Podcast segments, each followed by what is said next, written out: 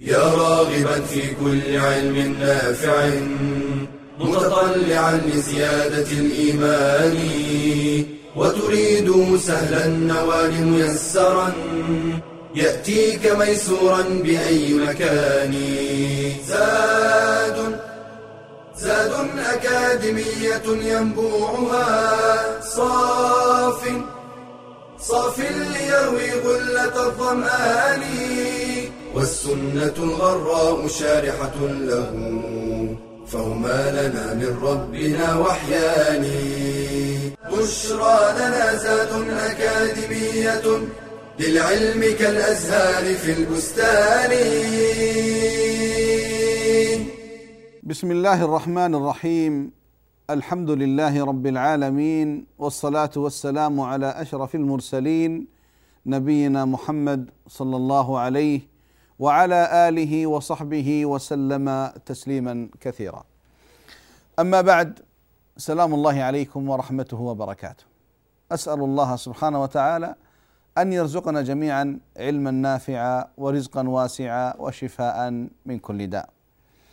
ومع الحديث الثالث من منهجنا لهذا الفصل حديث جابر بن عبد الله بن حرام بن عمرو بن حرام رضي الله عنهما وأرضاهما. عن النبي صلى الله عليه وسلم قال تعالوا بنا إلى هذا الحديث العظيم يا أيها الأحبة ونستشعر فيه من الدروس ما الله به عليم.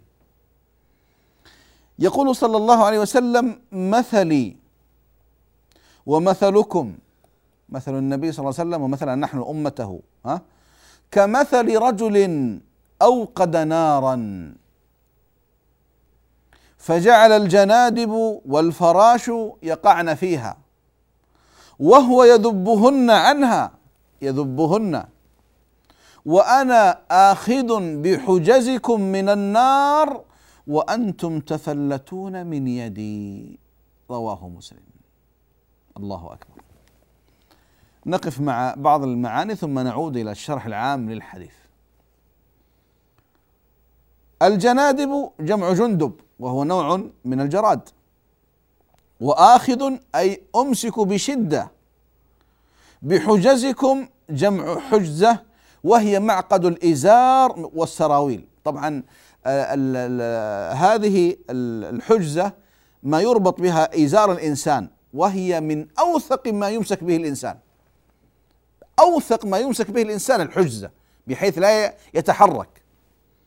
وهو كناية عن حرصه صلى الله عليه وسلم على منع امته من الأتيان بالمعاصي التي تؤدي بهم إلى الدخول في في النار.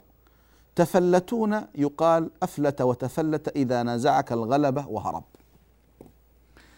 قبل أن نعطي اطلالا على الحديث أيها الأحبة دعونا نقف مع هذا الراوي جابر بن عبد الله بن عمرو بن حرام الأنصاري.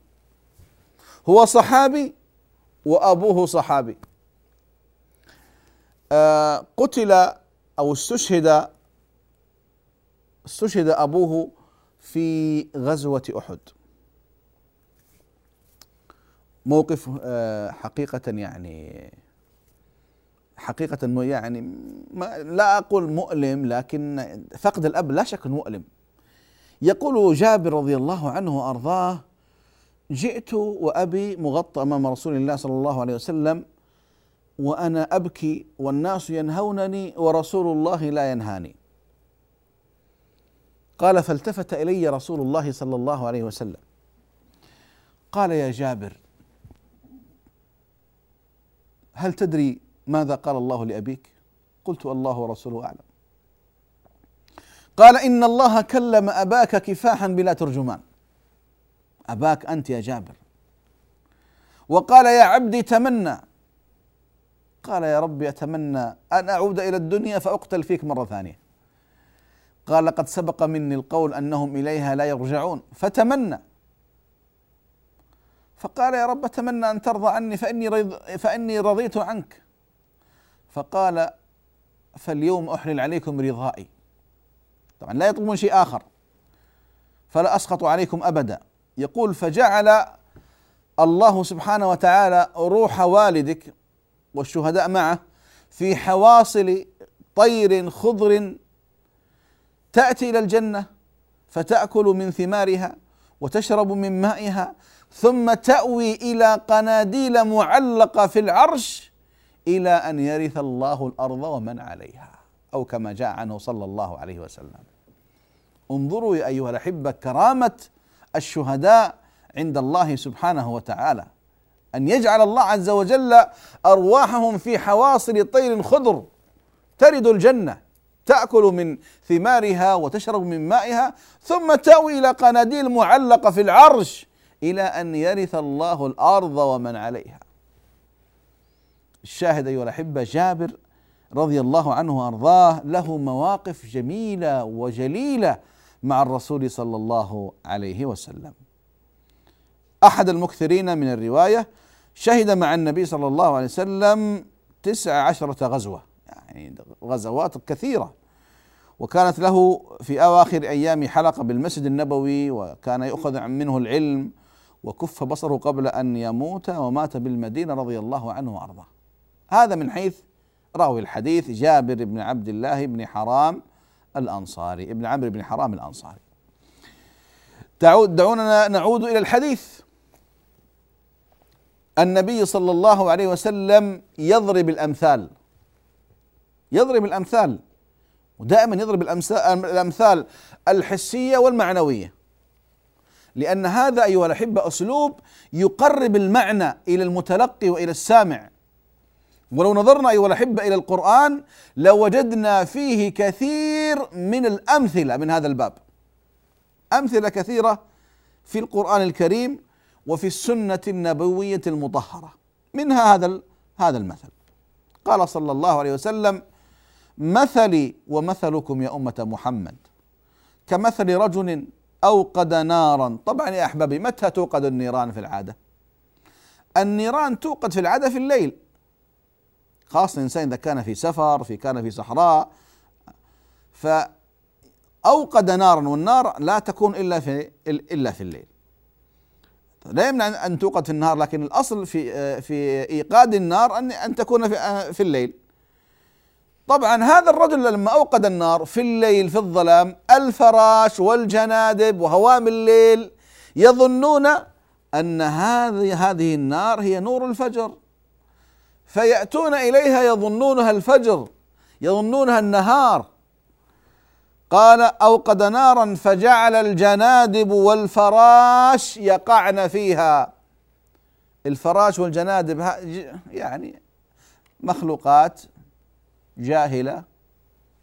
صحيح مخلوقات الله سبحانه وتعالى وضع فيها إمكانيات ولكن في الليل تظن أن هذه هي هي أنوار النهار.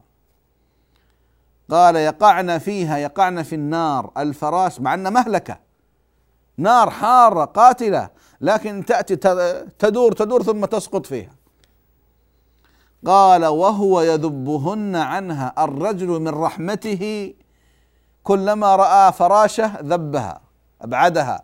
رأى جندب أزاله أزاحه حتى لا يحترق. من رحمته بهذه المخلوقات الضعيفة.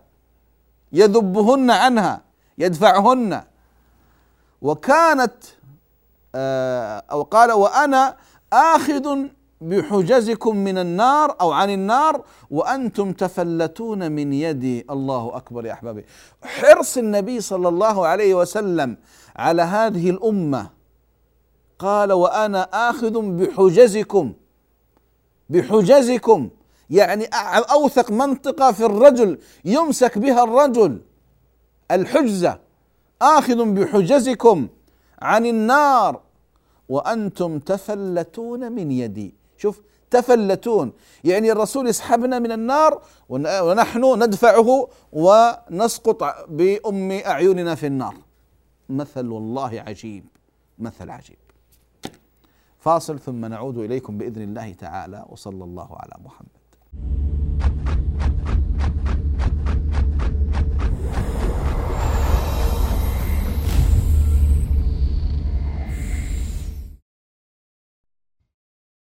إن أردت النجاح في الدنيا والسعادة في الآخرة فاسلك طريق العلم لكن الآفات على هذا الطريق كثيرة منها الرياء بأن يراد بالعلم الشهرة وثناء الناس قال صلى الله عليه وسلم من طلب العلم ليماري به السفهاء أو ليباهي به العلماء أو ليصرف وجوه الناس إليه فهو في النار ومنها الكبر والعجب. قال مجاهد لا يتعلم العلم مستحي ولا مستكبر. ومنها الحسد. قال تعالى وما اختلف الذين أوتوا الكتاب إلا من بعد ما جاءهم العلم بغيا بينهم. أي بغى بعضهم على بعض فاختلفوا في الحق لتحاسدهم وتباغضهم. ومنها الانشغال بالدنيا وملهياتها وأشغالها عن تحصيل العلم النافع. ومنها التعالم والتصدر قبل التأهل فإن التصدر يمنع من تلقي العلم. قال عمر بن الخطاب رضي الله عنه تفقهوا قبل أن تسودوا ومنها الفتور والكسل.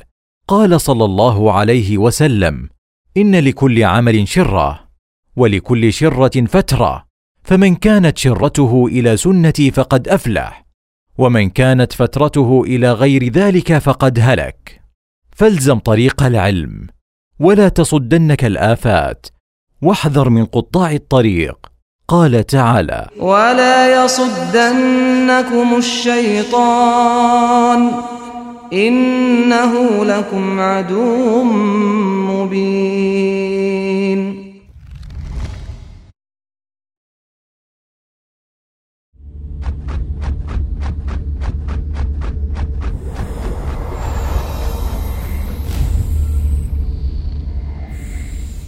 بسم الله الرحمن الرحيم الحمد لله والصلاة والسلام على رسول الله وعلى آله وصحبه ومن والاه وبعد أيها الأحبة كما قلت لكم أسلوب ضرب الأمثلة من الأساليب المهمة في وعظ الناس وتقريب المعلومة لهم وكما قلت لكم هذا منتشر في كتاب الله وفي سنة رسول الله صلى الله عليه وسلم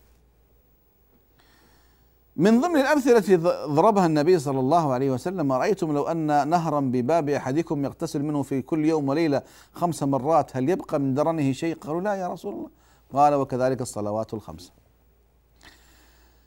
هذا المثل كما قلت لكم هو يبين حال النبي صلى الله عليه وسلم المذكور في الحديث حال النبي صلى الله عليه وسلم مع الأمة. حال النبي مع الأمة. النبي صلى الله عليه وسلم يضرب هذا المثل. حرصه على أمته رأفته بأمته. حرصه على الخير واسداء الخير للأمة.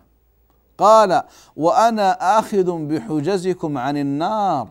يعني أنا حريص عليكم ما تقعون في النار. أنا ماسك بحجزة الواحد منكم. ماسك مسكة قوية. أنا أديت اللي علي. أمسك الواحد حتى لا يقع في النار. لكن الكارثة ليست من رسول الله الكارثة منا نحن. أنتم تفلتون من يدي. طيب.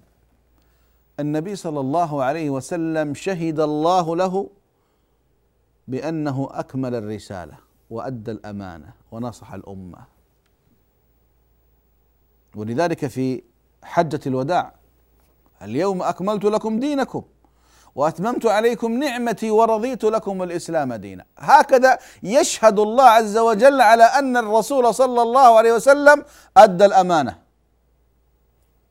ولذلك آية في القرآن حتى إن اليهودي جاء لعمر قال آية في كتابكم لو نزلت علينا نحن معشر اليهود اتخذناها عيدا. فقال عمر أعلم والله أين نزلت والمكان الذي نزلت فيه ومتى نزلت. فالله سبحانه وتعالى يا أحبابي شهد في كتابه الكريم أن الرسول صلى الله عليه وسلم قد أدى الأمانة وأدى الرسالة وأدى التبليغ وما عليه قصور صلى الله عليه وسلم. حاشاه.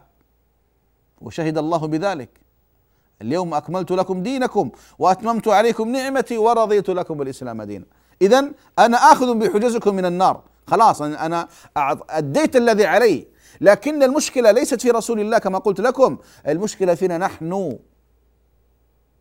وأنتم تفلتون من يدي. طيب نتفلت من يد رسول الله فين؟ الكارثة أنها في النار. الكارثة أنها في النار. يعني لو كان نتفلت من رسول الله في شيء نافع لا لا لا. يعني هدي الرسول صلى الله عليه وسلم يقودك إلى الجنة. والرسول صلى الله عليه وسلم يريد أن يسحبك إلى الجنة. يسحبك إلى جنة عرضها السماوات والأرض. الرسول صلى الله عليه وسلم الذي قال الله عنه وما أرسلناك إلا رحمة للعالمين يريد أن يأخذك إلى الجنة. يأخذ الأمة. يا إخواني من حرص الرسول صلى الله عليه وسلم على هذه الأمة. يقوم ليلة من الليالي يبكي يبكي يبكي يبكي. حتى أن الله عز وجل أرسل له جبريل يسليه يا محمد ربك يبلغك السلام ويقول ما الذي يبكيك؟ ليش تبكي يا محمد؟ فقال صلى الله عليه وسلم أمتي أمتي. هذا الذي أقام رسول الله صلى الله عليه وسلم يا أخواني ليلة كاملة يبكي عشان أمته الأمة. حرصه على أمته. أمتي أمتي. فأوحى الله إلى جبريل عليه السلام أخبر محمد أنا سنرضيك في أمتك ولا نسوءك سنرضيك في أمتك يا محمد ولن نسوءك اللهم صل على رسول الله. ولذلك يقول صلى الله عليه وسلم أهل الجنة مئة وعشرون صفا. أمتي ثمانون صفا. أمة محمد صلى الله عليه وسلم ثمانون صفا. بمعنى أن أهل الجنة من هذه الأمة الثلثين وثلث باقي الأمم. يقول صلى الله عليه وسلم إن مثل هذه الأمة بين الأمم يقول كالشعرة البيضاء في جلد الثور الأسود أو كالشعرة السوداء في جلد الثور الأبيض كثرة الأمم كثيرون كثرة عظيمة جدا. ومع ذلك هذه الأمة هذه الأمة آخر أمة هم ثلثي الجنة. لذلك لما الصحابة كانوا عند النبي صلى الله عليه وسلم فأخبرهم فقال أما ترضون أن نكون آه، ربع أهل الجنة؟ فكبروا. قال نصف أهل الجنة. فكبروا. قال وثلثي أهل الجنة أو ونشركهم في آه، النصف الآخر فكبروا كما جاء عنه صلى الله عليه وسلم. فأمة محمد يا أحبابي هم ثلثي ثلثي الجنة. إذا النبي صلى الله عليه وسلم حريص على هذه الأمة. والله يا إخواني حريص. أوذي في نفسه. كاد أن يقتل. جرح شج رأسه كسرت رباعيته آه، طرد من مكة تحم يعني فعل به الأفاعيل لما ذهب إلى الطائف وأدمي وضرب بالحجارة ومع ذلك كان يتحمل يتحمل يتحمل عشان هذه الأمة. ويحكي ابن مسعود عن نبي من الأنبياء كما قال صلى الله عليه وسلم يمسح الدم عن وجهه ويقول اللهم اغفر لقومي فإنهم لا يعلمون. فيقولون يا ابن مسعود من هذا؟ فقال هل تراه إلا رسول الله صلى الله عليه وسلم. حريص. حريص. ولذلك الله سبحانه وتعالى يقول لقد جاءكم رسول من أنفسكم عزيز عليه ما عنتم حريص عليكم بالمؤمنين رؤوف رحيم. رؤوف رحيم. فهذا هو رسولنا صلى الله عليه وسلم. فالكارثة كما قلت لكم هي فينا نحن في هذه الأمة. في هذه الأمة. أن الخير الخير ظاهر النور ظاهر المحجة واضحة الدين بين القرآن ناصع البيان السنة واضحة المعاني. فالكارثة عندنا نحن المشكلة عندنا نحن؟ أن نرى النور ونرى الصراط المستقيم ونرى الخير أمامنا ثم بعد ذلك نذهب يمنة ويسرى المثل الذي ضربه النبي صلى الله عليه وسلم لما خط خطا مستقيما وعلى جانبي الخط خطوط صغيرة. وقال هذا صراط الله المستقيم. وهذه السبل ليس من سبيل إلا وعليه شيطان يدعو إليه. ثم تلا قوله تعالى وأن هذا صراطي مستقيما فاتبعوه ولا تتبعوا السبل فتفرق بكم عن سبيله.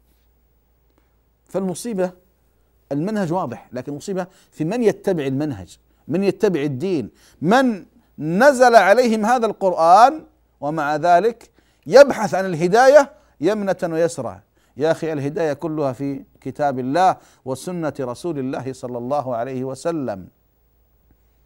تركت فيكم ما إن تمسكتم به لن تضلوا بعدي أبدا. كتاب الله وسنتي. فالمشكلة ليست في المنهج. المشكلة ليست في القرآن المشكلة ليست في السنة المشكلة في المتبعين. هل اتبعتم؟ هل اتقيتم؟ هل طبقتم الكتاب والسنة على أنفسكم؟ وإلا لا. ولذلك هذه الدنيا نستطيع أن نجعلها جنة. لكن متى؟ متى ما تمسكنا بالكتاب والسنة. كما قال شيخ الإسلام ابن تيمية رحمه الله إن في الدنيا جنة.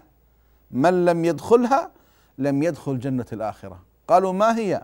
قال جنة الإيمان. ولذلك فعلا لما يقول النبي صلى الله عليه وسلم أنا آخذ بحجزكم عن النار. حرص النبي صلى الله عليه وسلم رأفة النبي صلى الله عليه وسلم رحمة النبي صلى الله عليه وسلم بهذه الأمة.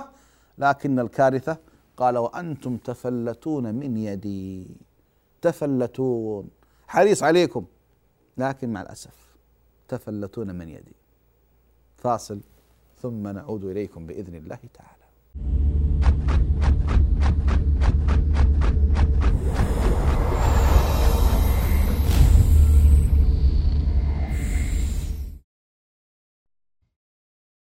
عن أي شيء تبحث؟ وفي أي شيء ترغب؟ وماذا تطلب؟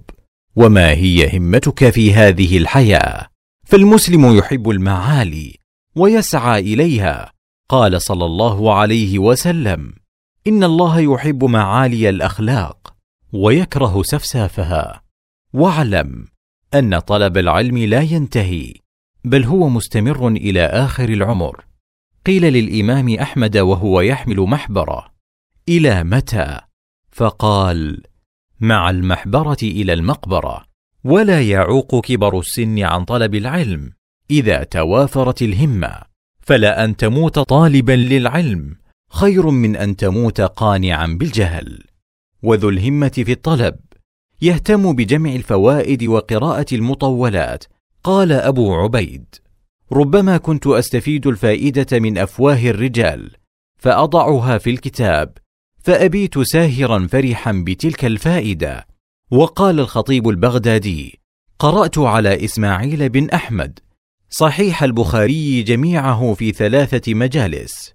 ومن المهم المداومة على طلب العلم.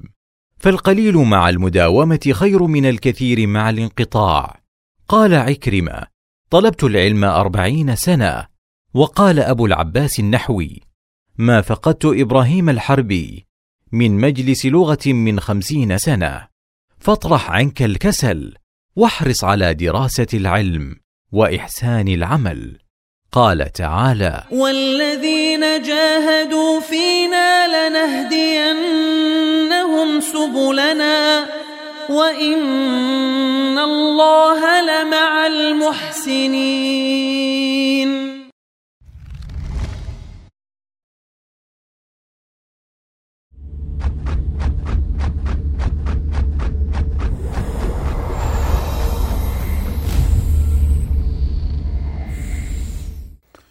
بسم الله الرحمن الرحيم. الحمد لله والصلاة والسلام على رسول الله وعلى آله وصحبه ومن والاه.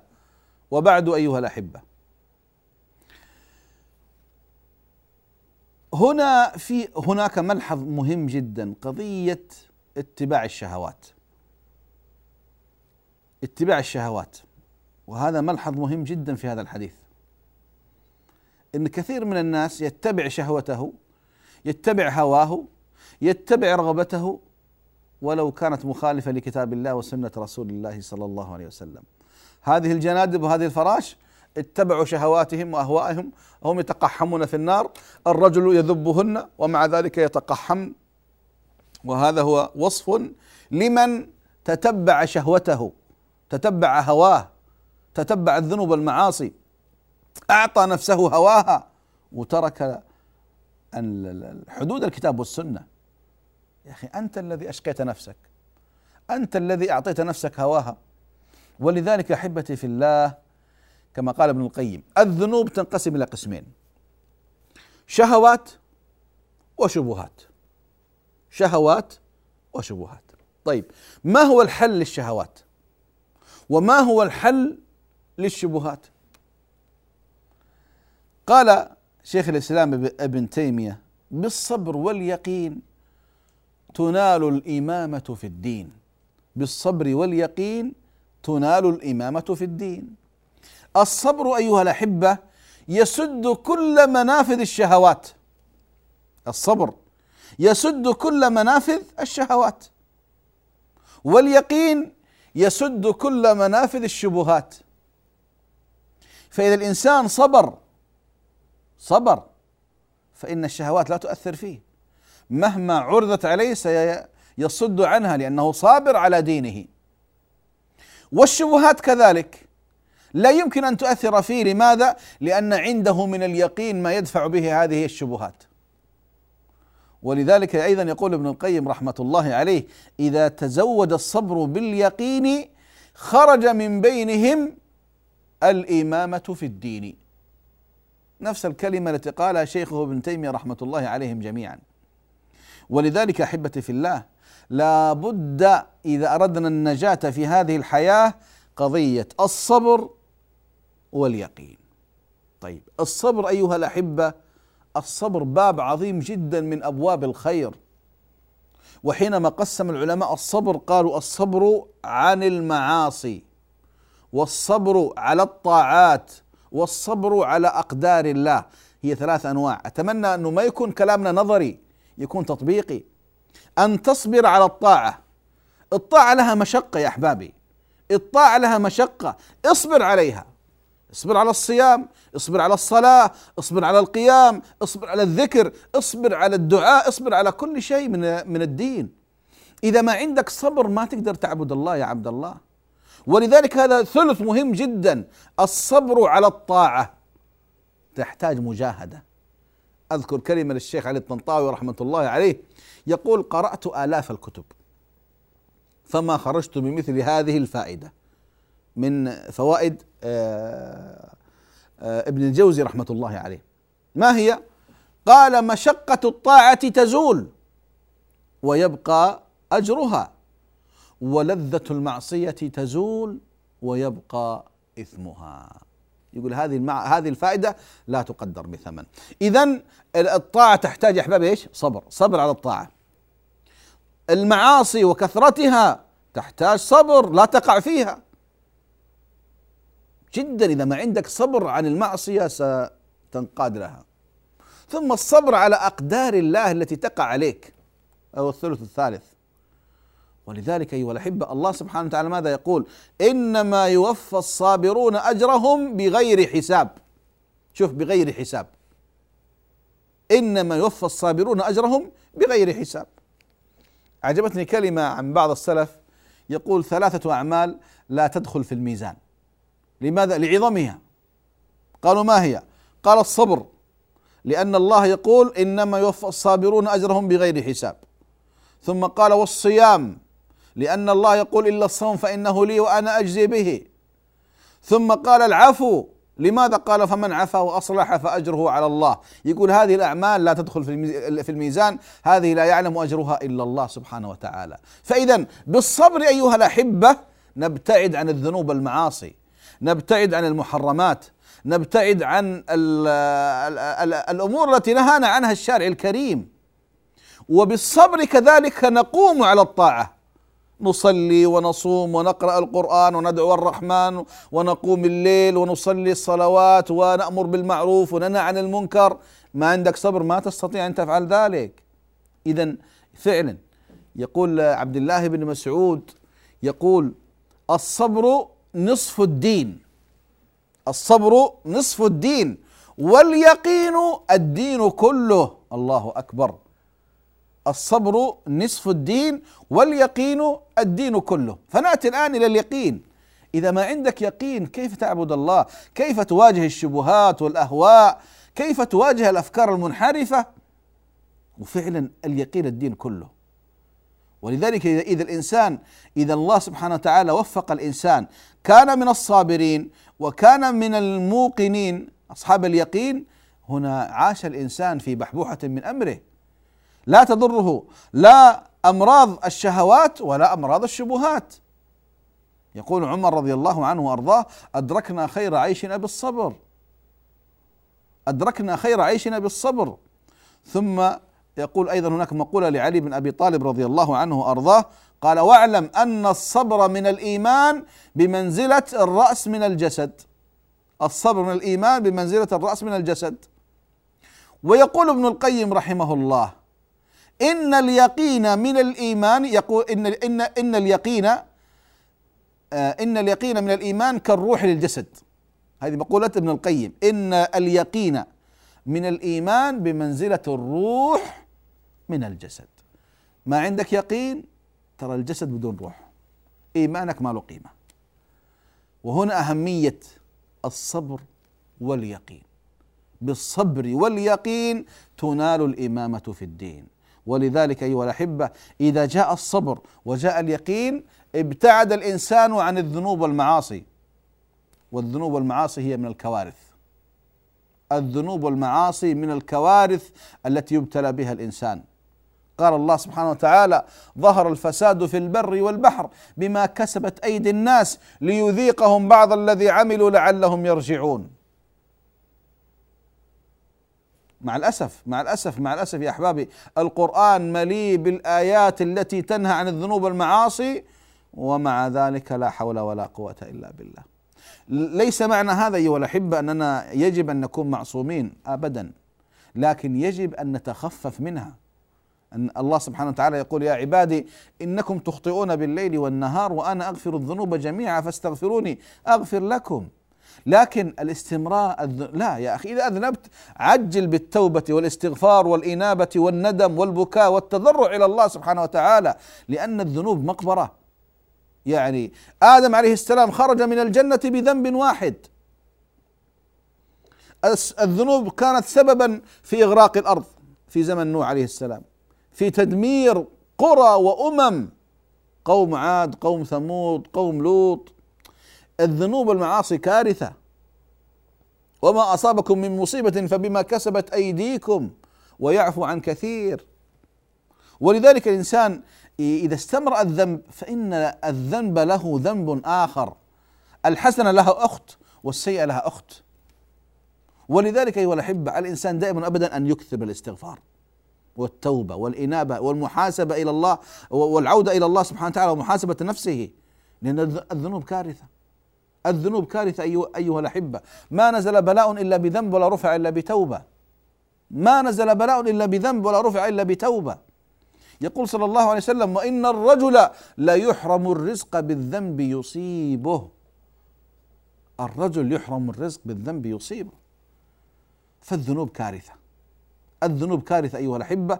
ولذلك فعلا الإنسان يحرص ها وأنا آخذ بحجزكم من النار. وأنتم تفلتون من يدي. الشهوة والشهوات إذا استحكمت بالإنسان والعياذ بالله جرته جرا إلى معصية الله سبحانه وتعالى.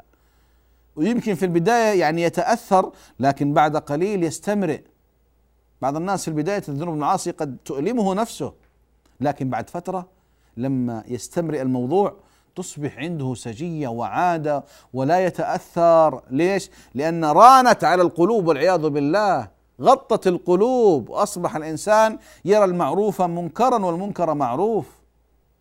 إذا الشهوات كارثة والاستسلام لها كارثة.